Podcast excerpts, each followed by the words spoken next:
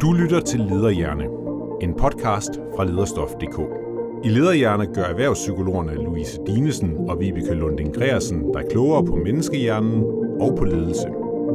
Tag med dem ind i hjerneforskningens verden, men også ud i det konkrete psykologiske arbejde hos ledere og deres medarbejdere. Og forstå, hvordan du kan bruge viden om hjernen, dens design, funktion og behov i din ledelse. Velkommen til. Du skænker kaffe. Jeg skænker kaffe. Uh, Så er vi sådan. klar. Så er vi klar. Det må ikke larme, mens vi optager. Ja. Er vi klar? Ja, ja, vi er klar. Okay. Supervisionsrummet er åbnet. Yes. Så vi er tilbage.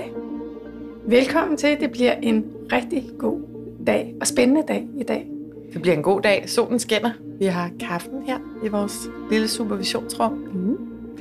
Louise, lad mig spørge dig om noget. Har du nogensinde haft følelsen af, at det er lige ved at gå galt professionelt? Du skal holde et oplæg, gennemgå en præsentation, og du føler, at du kun lige med nød og næb kommer igennem. Altså følelsen af, at du faktisk i virkeligheden ikke havde styr på det, og det var rent held, at det gik godt. Mm, det har jeg prøvet. Det har jeg prøvet mange gange. Og det er som om, at det altid ligger som sådan en bagtæppe, når jeg er ude og gør ting, hvor der er noget på spil. Og så er det jo sådan, så begynder vejrtrækningen at blive hurtigere, og hjertet banker lidt, og man tænker inde i sig selv, der er en tankerække, der går i gang, som kunne handle om, lige om lidt finder de ud af, at jeg ikke kan finde ud af det, eller der er noget, der er svært for mig, eller... Og på ydersiden, så tror jeg, så, så kommer jeg måske også til at bevæge mig lidt hurtigere, eller øh, jappe lidt rundt i det, ikke? når det er rigtig slemt. Så det kender jeg godt. Mm. Og så er der selvfølgelig alle de gode dage, hvor det Mm. ikke er sådan. Ja, og så er der jo nogen, der faktisk har det sådan det meste af tiden. Ja, det er det, vi skal Altså, tale om i dag. Lige præcis. Vi skal tale om imposterfænomenet, øh, der handler om oplevelsen af ikke at fortjene sin succes, og de bekymringer, som det kan aktivere, altså bekymringen for at blive afsløret. Og det er et fænomen, der er ekstremt udbredt, særligt blandt øh, veluddannede, talentfulde, dygtige mennesker, og selvfølgelig også blandt ledere. Ja, og det er jo her, hvor at vi har sådan et konstant aktiveret trusselsystem, der puster til den her eksklusionsangst og angsten for at blive opdaget. Og på en måde er det jo forfærdeligt, når det påvirker vores funktionsevne, og vi går rundt og faktisk er belastet af det. Mm. Og det er langt flere, end man lige regner med, der har det på den måde. Så vi møder jo faktisk også i vores job øh, ledere og topledere, som har det præcis sådan. Mm. Har du nogle eksempler? Kan du genkalde dig et eksempel på en leder, som kæmpede med det her? Ellers så har jeg. Ja, Jeg har da set. Ja. Og så kan du fortælle lidt bagefter. Ja, fordi jeg vil gerne høre dit Vibeke også. Men ved du hvad, ofte så, det jeg har tænkt over, ikke? Øh, det er, at ofte fortæller de det typisk sådan i tredje session eller sådan noget. Det er lidt den første samtale. Der danner man tillid, og der skal man lige lære hinanden at kende. Anden gang, der tager man nogle temaer op, som skal være vigtige for forløbet. Og så i den tredje session, så er det typisk i vores coachings, øh, og de her executive coachings, når lederne lige er blevet trygge, så øh, fortæller de os om det her. Og jeg kan huske en situation med en topleder, hvor vi talte om hans karriere, og hvordan han var nået dertil, hvor han var. Han var nået langt i sin karriere. Og han sagde det sådan her, øh, det er nogle tilfældigheder, der har gjort, at jeg er nået hertil, hvor jeg er i dag, da jeg spurgte ind til hans karriere. Øh, det var et held, at jeg fik den her stilling som CEO. Øh, og jeg er faktisk altid usikker på mig selv inden bagved, og jeg tænker hele tiden på, om jeg har gjort det, jeg gør godt nok. Og jeg har sådan en kronisk følelse af at være utilstrækkelig, så jeg er nødt til at anstrenge mig hele tiden. Og da vi fik talt rundt om det, sagde han til sidst, jeg er faktisk også ret ensom i det. Mm. Så det er bare et eksempel på oplevelsen af utilstrækkelighed. Og jeg er enig i det her med, at det er typisk noget, der kommer lidt hen ad vejen. Og, øhm, og nogle gange, så kan man høre det.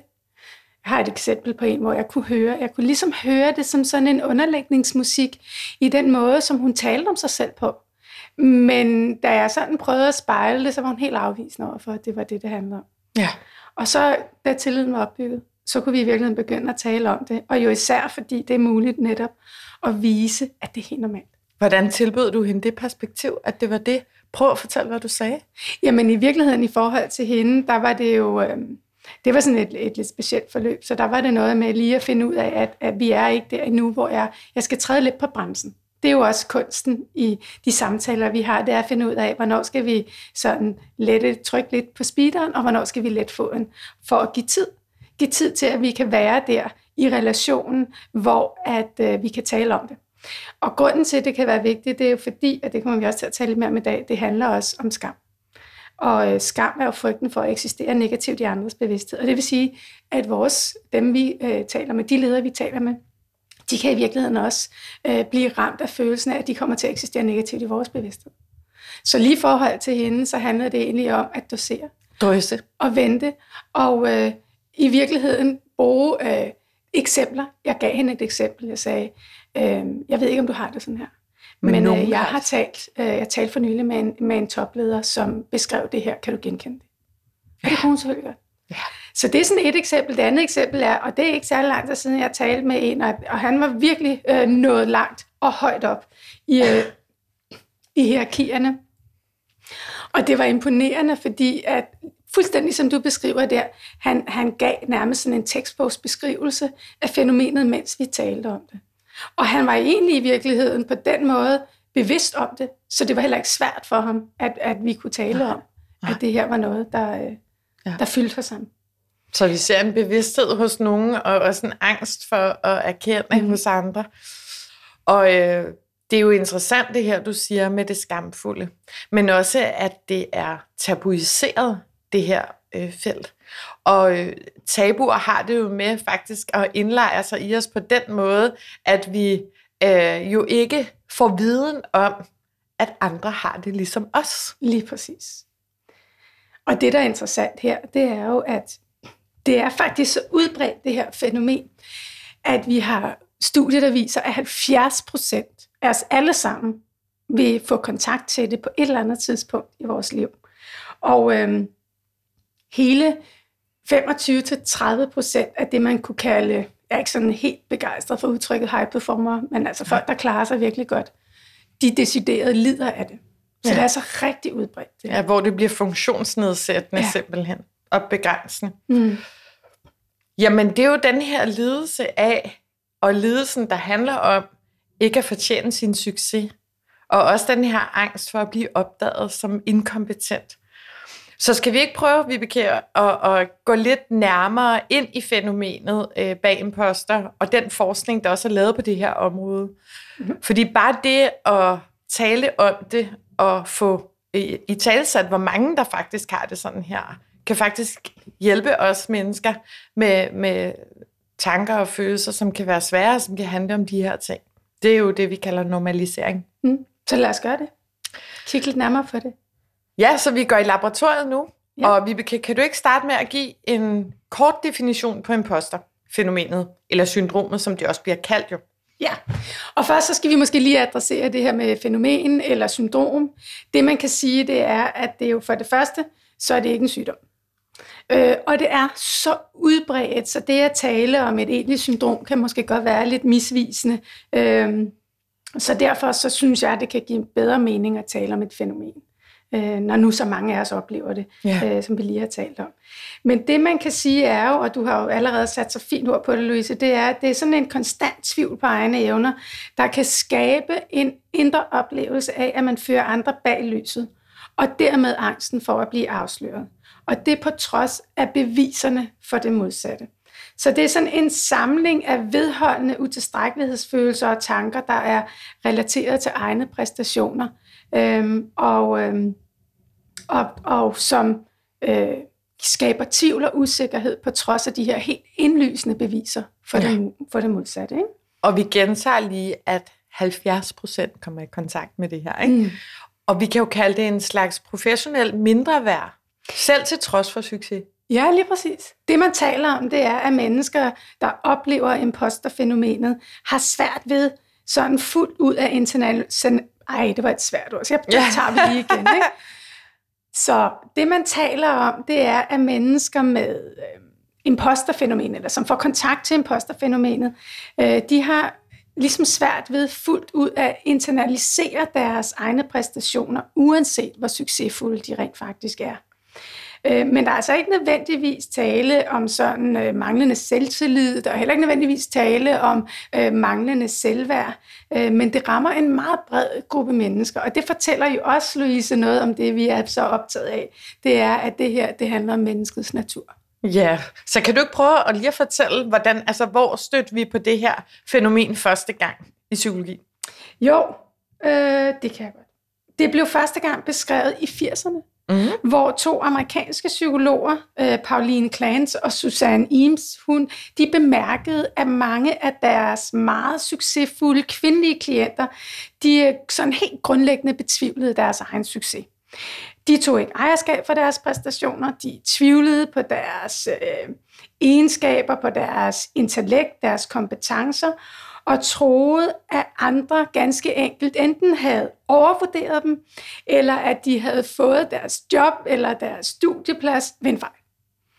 Så, så derfor så var de også fulde af bekymringer for, hvornår de ville blive opdaget, og de konsekvenser, det ville få for dem, når andre fandt ud af, at de bare havde bluffet sig til deres succes. Mm. Så øh, det er faktisk sent, ikke? Det er i 80'erne. Mm-hmm. Øh, det går ikke engang længere tilbage. Og du sagde, at det var deres kvindelige klienter. Betyder det så, at fænomenet primært opstår hos kvinder, tror jeg, vores lyttere vil tænke. Og øh, vi har jo lige øh, talt om de her eksempler på dygtige mandlige ledere, der kæmper med det her. Så nu må du lige oplyse os lidt. Ja. Men det er faktisk en vigtig pointe. Deres klienter var kvinder, så det vil sige, at det blev beskrevet som et fænomen, der var særligt for kvinder.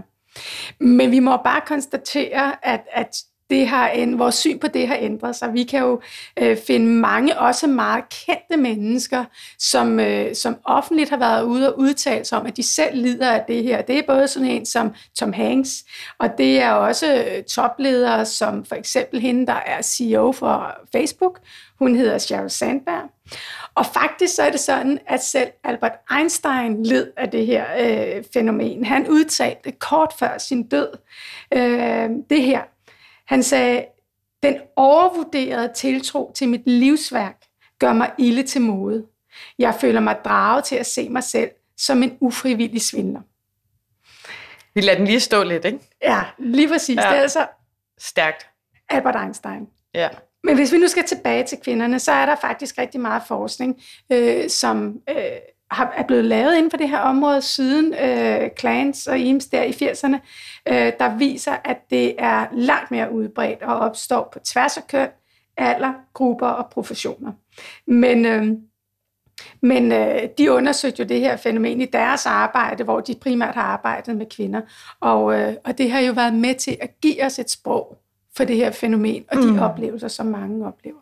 Ja, og Pauline Clance har, mm. har også udviklet et screeningsredskab, som faktisk ligger frit tilgængeligt derude, hvis vores lytter har lyst til at kigge sig selv efter i sømne. Og der kan vi simpelthen afgøre, om vi lider af imposter. Øh, og vi kan bruge hendes spørgsmål. Så nu ja. kan lytterne jo være med derude, og du kan være med, Vibeke, så kan du jo se, hvad du tænker om de her spørgsmål. Ja. Så nu kommer der øh, et par spørgsmål. Jeg kan give et indtryk af at være mere kompetent end jeg i virkeligheden er. Ja. Spørgsmålet er, om man kan svare ja til det. Jeg undgår så vidt muligt evalueringer og gruer for, at andre skal bedømme mig. Mm. Jeg er bange for, at de mennesker, der betyder noget for mig, skal opdage, at jeg ikke er så dygtig, som de tror, jeg er. Nogle gange føler eller tror jeg, at min succes i livet eller mit job bare skyldes en eller anden fejl. Ja. Så øh, den er frit tilgængelig. Ja. Øh, jeg tænker, at vi muligvis linker til den et sted, og ellers så kan man altså bare søge, søge på øh, imposter syndrome, så skal den nok øh, dukke op. Det gode ved de her skalaer, Louise, det er jo, at de fortæller os, at vi ikke er alene om oplevelsen. Jeg plejer altid at sige øh, til, til de ledere, jeg taler med, at hvis de var de eneste, der oplevede det her, så er det næppe sandsynligt, uanset hvor dygtige de er, at der var blevet lavet en skala for at undersøge det. Ja, præcis. Og øh, igen er det jo 70 procent af os, som oplever de her ting, så vi skal også øh, lade være at blive for bekymret, hvis vi kan svare ja til alle de her spørgsmål.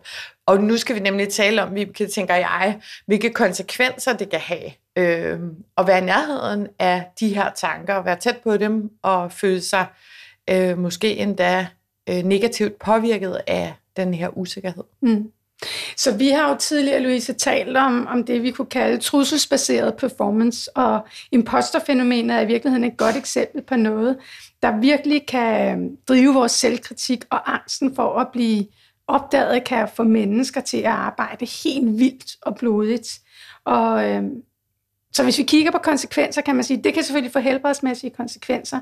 Det kan øge risikoen for stress eller stressrelateret psykisk lidelse, for udbrændthed, hvis man har denne her meget voldsomme trusselsbaserede performance over mange år. Så det vil sige, hvis man arbejder rigtig meget, intens, stor arbejdsmængde og tidspres, intensivering i arbejdet, blandt andet. Ja, og, og hvis det ikke bare altså skyldes, at vi har travlt, men hvis man ligesom har den der indre pisk, der bliver svunget yes. hele tiden, fordi så er det jo, at det bliver trusselsbaseret. Ikke? Øhm, og jeg tænker, vi har jo begge to øh, set eksempler på, hvad denne her sådan, øh, performance, der handler om, hvis ikke jeg hvis ikke jeg præsterer, så er jeg ingenting. Og det er jo noget af det, der, øh, der også kan ligge i drivkraften bag imposterfænomenet. Øh, en anden vigtig konsekvens, som man som leder og virksomhed bør være optaget af, det er, at angsten for at blive afsløret, det faktisk kan få nogle talentfulde unge ledere og medarbejdere til at holde sig tilbage, til ikke at komme med forslag og idéer, måske sige nej til forfremmelser eller muligheder, fordi frygten og eksklusionsangsten kan være så stærk. Øh, så vi kan både have dem, der træder speederen fuldstændig øh, i bund med risiko for at, at køre ud over kanten, og så kan vi have på dem, der, øh, der træder på bremsen og måske vælger en, en alternativ, men mindre tilfredsstillende rute, både for virksomheden, men selvfølgelig mm. også for dem selv. Og vi kan komme til at overse nogle talenter, ikke? Jo, lige præcis. Ja. Så kan man, kan man egentlig sige noget om, det ved jeg, du ved noget om, om, om årsagerne, altså de bagvedliggende faktorer. Er der nogle mennesker, der er i særlig risiko for at blive påvirket? Altså det, det er et super godt spørgsmål, og det er der mange, der har masser af antagelser og hypoteser og teorier om. Og der er ikke noget enkelt svar på årsagerne, øhm, selvom der er mange, der som sagt kommer med gode bud. Det er alt fra, at man øh, antagelser om, at det kan være relateret til oplevelser af barndommen, særlig personlighedskræk, disposition for angst og depression. Men hvis vi kigger på forskningen, så må vi bare konstatere, at der er ikke noget entydigt svar. Der er snarere tale om sådan en række forhold, som kan spille ind, øh, og, og på forskellig vis kan aktivere den her oplevelse hos rigtig mange mennesker, måske særligt, når de færdes i sammenhæng, hvor deres præstationer vurderes af andre. Øh, så, den, så den primære fællesnævner er, at det er mest udbredt hos mennesker, der er godt uddannet, mm-hmm. talentfulde og succesfulde. Om nogle gange kan man sige, næsten jo, jo mere, jo værre. Ikke? Altså, ja, jo mere så, succes, jo værre kan det blive. Ja, så, så det, det kan virkelig puste til det her i os. Ikke? Men øhm, så, så, og når det er så udbredt, som det er, vi er tilbage til de her sådan, øh, 70 procent af alle vil få kontakt til imposterfænomenet på et eller andet tidspunkt i deres liv, så, så er det nok koblet til noget sådan mere grundlæggende i vores natur. Men, Louise, du har allerede været inde på det øh, i forhold til risikofaktorer i arbejdsmiljøet, og, vi, og det er jo klart, vi tænker meget af det, fordi vi jo er arbejdsmiljørådgivere. Øh, så vi har jo også talt om, hvilken rolle miljøet eller kulturen kan spille. Og jeg ved, at du har kigget på en undersøgelse, der måske kunne fortælle os en lille smule mere om miljøet og kulturens rolle øh, i forhold ja. til imposterfænomenet. Ja, så imposterfænomenet øh, hvor udbredt det er, eller hvor høj forekomst vi har, hænger faktisk også sammen med, i hvert fald hvis vi skal tro en række studier, hænger også sammen med øh, den kultur eller det miljø, vi er en del af. Og der er vi altså også stødt på undersøgelser, der viser, at øh, forekomsten kan påvirkes af, om der er et konkurrencepræget miljø ja, ja. i organisationen. Apropos trusselsbaseret performance. Præcis. Det har vi jo også talt om tidligere. Ikke? Lige præcis. Ja. Og øh, jeg kan bare nævne en undersøgelse. Det var en undersøgelse af 1500 universitetsstuderende. Der fandt man, at de afdelinger, hvor de studerende ikke var sikret deres funding, eller på anden vis havde adgang til støtte og hjælp, men i princippet skulle ind og konkurrere med deres medstuderende, øh, der var oplevelsen af imposterfænomenet langt mere udbredt. Ja. I et andet studie med 4.000 mennesker fandt man lignende resultater. Og det var, at miljøer eller kulturer, der inviterer til konkurrence, på baggrund af performance mellem kollegaer øger den her forekomst. Altså den indre oplevelse af utilstrækkelighed. Angsten for, hvornår er der nogen, der opdager, at jeg ikke kan finde ud af det. Og begge de her studier fandt, at oplevelsen af imposter var knyttet til oplevelsen af ikke at høre til, altså simpelthen at være isoleret øh, fra fællesskabet. Så isolationen, oplevelsen af ja. alenehed. Og det giver jo simpelthen så god mening. Så nu er vi jo tilbage til det, der optager os, ikke? altså menneskets natur. Og, og i det, der kommer vi ikke udenom os øh, at tale øh, om skam. Fordi skam er jo en social følelse, øh, som handler om vores tilhørsforhold. Altså det at være, i, øh, være en del af en flok, fordi at vi er sociale dyr. Så det at være en del af flokken, det er så afgørende for vores overlevelse. Øhm, og status i flokken betyder noget for vores overlevelse. Øh, så, så, øhm, så det her med, at hvis vi har høj status i flokken, og vi bliver opdaget i snyd, så er der altså risiko for eksklusion. Mm. Og det kan føre til sådan intense øh, skamoplevelser. Øh, og skam, og det er jo det samme, hvis vi hører på imposterfænomenet, ikke? det her med, at bange for, at folk finder ud af, at jeg ikke er lige så dygtig, som de troede, jeg var. Altså, der er noget her, der handler om angsten for at være forkert. Ja. Ikke? ja. For det er jo det, skam handler om, at jeg er forkert. Og hvis du opdager, at jeg er forkert, Louise, så vil du ikke tale med mig mere. Men det, der er så interessant her, det er jo, hvor lidt vi taler om, hvilken status vi tilbyder andre mennesker, når vi er på arbejde for eksempel. Om jeg tilbyder dig en status i vores fællesskab, hvor du ikke bliver yderpositioneret eller i fare for at komme galt afsted. Og det taler vi bare alt for lidt om, mm. at øh, den her sociale følelse er social, fordi den kan påvirke sig ydre forhold, som jo er dig og mig. Ja. Så øh, det, det bare fortæller os her, Vibeke, det er jo, at ledere skal forstå menneskets natur og hvor stærke kræfter vi har med at gøre. Og også, at der er forhold i arbejdsmiljøet, der kan aktivere skam og de her eksklusionsforestillinger, også selvom vi ikke tror, at det er sådan. Og derfor så påvirker øh, arbejdsmiljøet og den, de her eksklusionsforestillinger, de påvirker også vores trivsel og vores performance. Og jeg tænker, Louise, det er jo derfor, hvis vi har den her trusselsbaserede performance, altså eller, eller altså sådan, øh, intern konkurrence, som, som også handler om positioneringer, så er det jo, at vi også skaber miljøer, hvor folk får meget let adgang til de her oplevelser, de her følelser. Ikke? Ja. Hmm? Jeg tror, vi skal hoppe videre til ensomhed og prøve at tale lidt mere om det. Ja, fordi det, der ligger i det her, det er jo netop også følelsen af at være alene. Mm. Ikke? Og, øhm, og jeg ved, at både du og jeg taler øh, med ledere om ensomhed, øh, at det er et tema, der dukker op i de samtaler, som vi har øh, ja. med ledere. Ikke? Jo bedre vi kender dem, jo mere får vi at vide. Ja, ofte, ikke? præcis. Og det er noget, der kan fylde. Og, og især når kompleksiteten i arbejdet er stor, det er den typisk for ledere, og når kriser og forandringer præger dagsordenen på arbejdspladser, så kan ledere øh, føle sig ikke bare alene, men faktisk også ensomme. Som leder er man jo også på en eller anden måde altså i en særlig position. Øh, man er ikke en del af gruppen, øh, og man er heller ikke uden for gruppen. Man står lidt alene. Nogle har så super øh, gode chefgrupper eller ledergrupper. Mm. Og selvom man er alene så, så, og kan søge øh, hjælp og støtte, så kan det godt opleves som overvældende at stå i en position som leder og mærke den her ensomhed. Og så kan jeg jo spørge, fordi du er jo også direktør, Vibeke, så jeg har jo med at spørge dig. Ja. har du også følt dig ensom som leder? Chef? Jeg synes, det er et rigtig godt spørgsmål.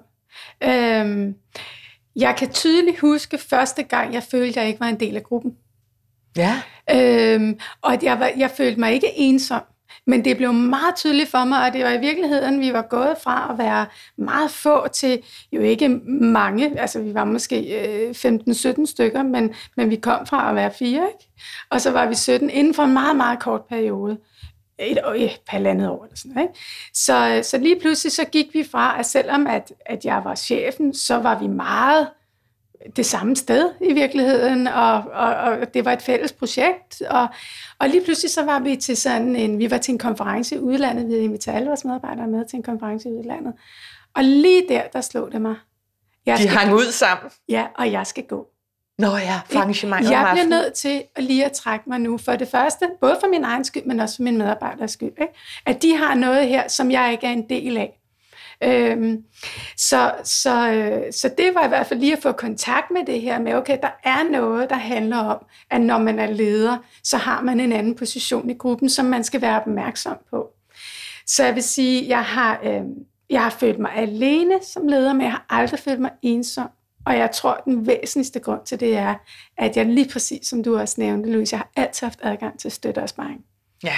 Både i min egen virksomhed, men også øh, fra gode kollegaer som dig, for eksempel, øh, hvor man har kunne vende nogle af de her ting. Øh, så, øh, så det er i hvert fald væsentligt. Hvad med dig, Louise? Har du følt dig ensom? Jeg har også følt mig alene ind imellem, også da jeg var direktør. Øh, men jeg synes heller ikke, jeg har følt mig ensom. Og i vores fag som psykologer ligger det jo som sådan en præmis, at vi skal have supervision, og vi skal have vores faglige fællesskaber, hvor vi kan vende de ting, der er svære, mm. fordi det kan beskytte os. Så derfor har jeg altid haft adgang til, som du siger, et godt netværk, gode kollegaer i eller uden for organisationen. Men jeg synes, jeg har følt mig alene, ja. Ikke ja. kunne gå op af øh, med problematikker, øh, fordi jeg lige skulle bearbejde dem selv, og ikke kunne gå nedad med dem, fordi at det ikke var noget, der skulle deles med medarbejderne. Ja. Så, øh, og vi skal lige huske på her, øh, for vi har faktisk kigget ind i undersøgelser, og vi har en svensk undersøgelse, der viser, at 8 ud af 10 ledere oplever en form for ensomhed. Og det er jo sådan en ensomhed, som netop, som vi har talt om, er knyttet til vores sociale natur, og dermed også til vores overlevelse. Og hjernen har det jo med at passe på os. Og de her undersøgelser, de viser faktisk, og det er nu det interessante kommer, det er, at når vi føler os alene, og hvis vi har været kortvarigt isoleret fra kontakt med andre, så aktiveres, og hold lige fast, det er så interessant, så aktiveres motivationssystemet i hjernen, og der frigives dopamin, et tilfredsstillende stof i hjernen, med henblik på at stimulere en adfærd, hvor vi søger efter sociale interaktioner. Det er super interessant. Ja, det er spændende. Den passer på os, hjernen. Den passer på ja. os. Det vigtige er selvfølgelig, at, øh, at adfærden belønnes, og at vi rent faktisk opnår en social kontakt. Og hvis ikke, og hvis det er ensomheden var ved, så vil det kunne få langt større konsekvenser for vores sundhed, ikke? og det kan medføre øh, psykiske lidelser som både angst og depression. Men dopamin udløses i hjernen med det formål, at vi aktiverer vores adfærd, sådan at vi opnår social kontakt. Mm. Det er jo sådan helt vildt design. Ligesom at være sulten, der sker det samme. Der udløser stoffer i hjernen, så vi spiser. Og på samme måde, hvis vi ikke har kontakt, ja. så udløses der noget i hjernen, der Så det er det der os. med, det er knyttet igen vores social, det er knyttet til vores overlevelse, ja. til vores sociale, vi har brug for andre ja. mennesker. Ikke? Og grunden til, at det også er vigtigt at tale om ensomhed, og det er, og det er vigtigt, at ledere er, er, er opmærksomme på det sammen, det er jo, at undersøgelser viser, at ensomhed bidrager til tidlig død. Faktisk så kan 4% af alle dødsfald i Danmark, Louise, tilskrives ensomhed. Øh, det vil sige, det er over 2.000 om året. Ja, det er øh, og 36 procent af de mennesker, der har forsøgt selvmord, de angiver ensomhed som en årsag. Så på den måde kan man sige, at ensomhed dræber. Du kan jo godt føle dig ensom som leder, uden at være et ensomt menneske. Ja. Men, men det er bare for at sige, det er også en forklaring på, hvorfor den følelse kan være så overvældende, også for ledere, mm. øh, når man føler sig ensom. Ikke? Og det er jo det der med, at ledere ikke er superhelte. Så der er ikke noget at sige til, at følelsen af at være ensom som leder øh, kan være svær at håndtere. Øh, det kan være, når vi skal træffe som ledere, træffe upopulære beslutninger. Ja. Det kan også være, øh, at vi er bekymrede for at blive opfattet som for hårde eller øh, kontrollerende. Det kan også være, at der er ting, man føler, man ikke kan leve op til, fordi det er komplekst. Og det er okay at være alene indimellem som leder, men vi skal være opmærksom på, at det ikke udvikler sig til en oplevelse af ensomhed. Øh, så hvad gør vi, Vibeke? Nu skal vi ud i virkeligheden, og vi skal snart til at afslutte, så der er brug for, at vi lige kigger på, hvad kan vi gøre som leder? Ja, og jeg tænker, vi har jo talt lidt om det, så vi kan komme med nogle bud sådan hver især i forhold til, både i forhold til imposterfænomenet, men, øh, men også i forhold til, til ensomhed. Hvad er det, vi kan gøre for at, øh, for at forebygge, at det får øh, for store omkostninger for os? Og jeg tænker, at det første, vi kan gøre, det er at tale om det. Tale om imposteroplevelser og ensomhed, øh, og start med dem, du er mest tryg ved. Bred det ud Øh, der er sådan et fænomen, der hedder pluralistisk ignorance. Og, og det, det lyder smukt, det faktisk. Lyder, ja, ikke? Det lyder også meget klogt, så det er meget fedt. Du er også klog.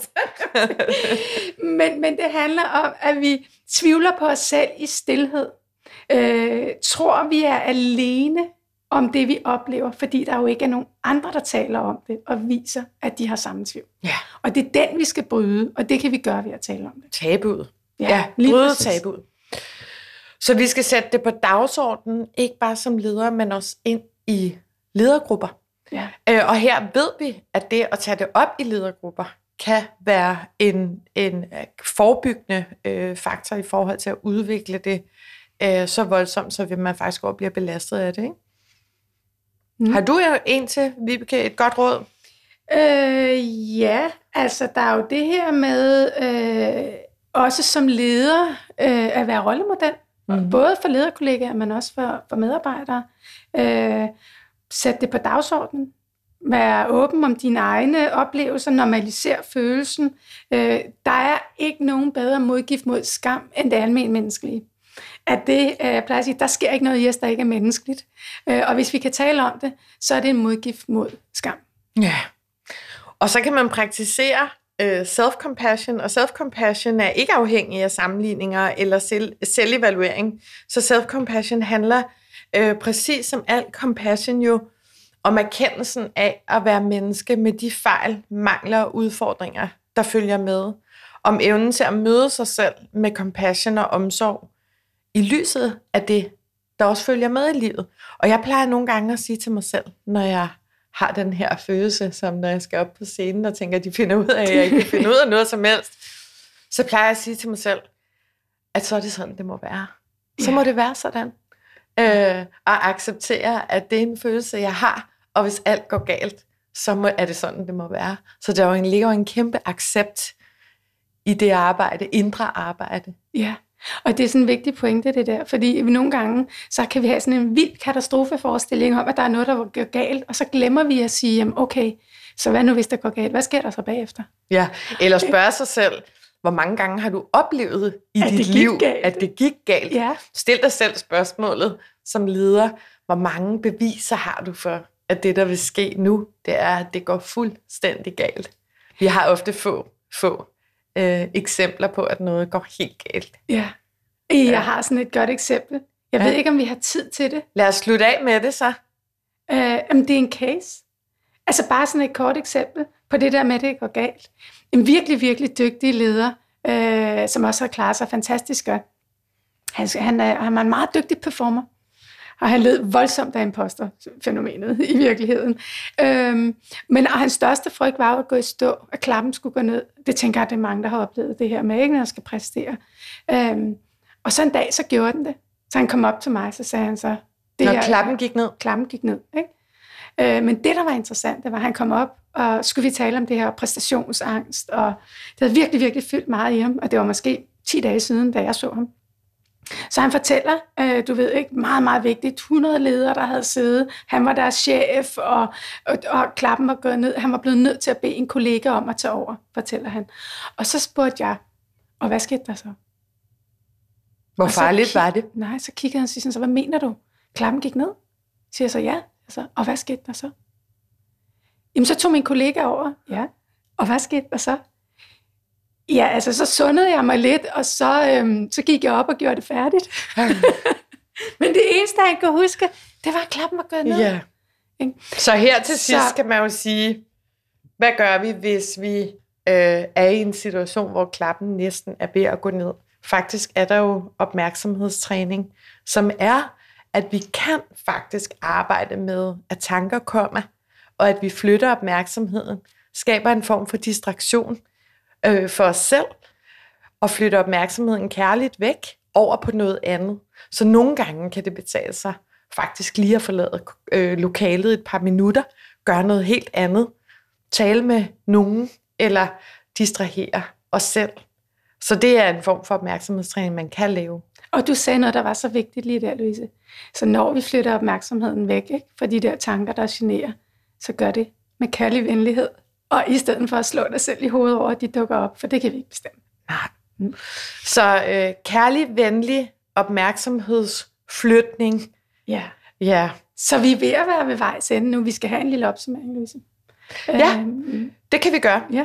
Så hvad er det vigtigste, øh, som øh, vores lyttere skal tage med fra i dag? Vi kan prøve at komme med et par bud hver især.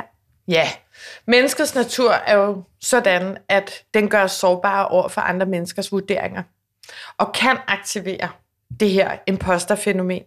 Og det sker hos rigtig mange mennesker, og når det er slemt, så bliver det forbundet med sådan det, vi har talt om i dag, Vibeke, som er skam og følelsen af at være forkert, angsten for eksklusion, og i værste fald den her ensomhed. Mm. Mm. Og øh, hvis jeg skulle supplere lidt, Louise, så er det jo det her med, at vi skal holde fast i, at det er menneskeligt. Og hvis vi udvikler et fælles sprog for det, så kan det virke lindrende, og det kan modvirke både ensomhed og lidelse relateret til øh, imposterfænomenet. Jeg synes også, vi har talt om, at det at føle sig alene og opleve at være alene, det kan være et vilkår i ledelse. Mm. Øh, ensomhed skal ikke være det, og social støtte, faglig støtte, er en rigtig vigtig faktor for at beskytte os mod imposterfænomen. Mm. Så tal om det. Brug hinanden. Og husk, at alt, hvad der sker i dig, er menneskeligt. Og når det sker i dig, så sker det også i andre. Ja, og så skal vi møde os selv og andre med omsorg og venlighed. Det må være noget af det vigtigste. Ja. Tak så, for i dag. Ja, tak fordi I lyttede med.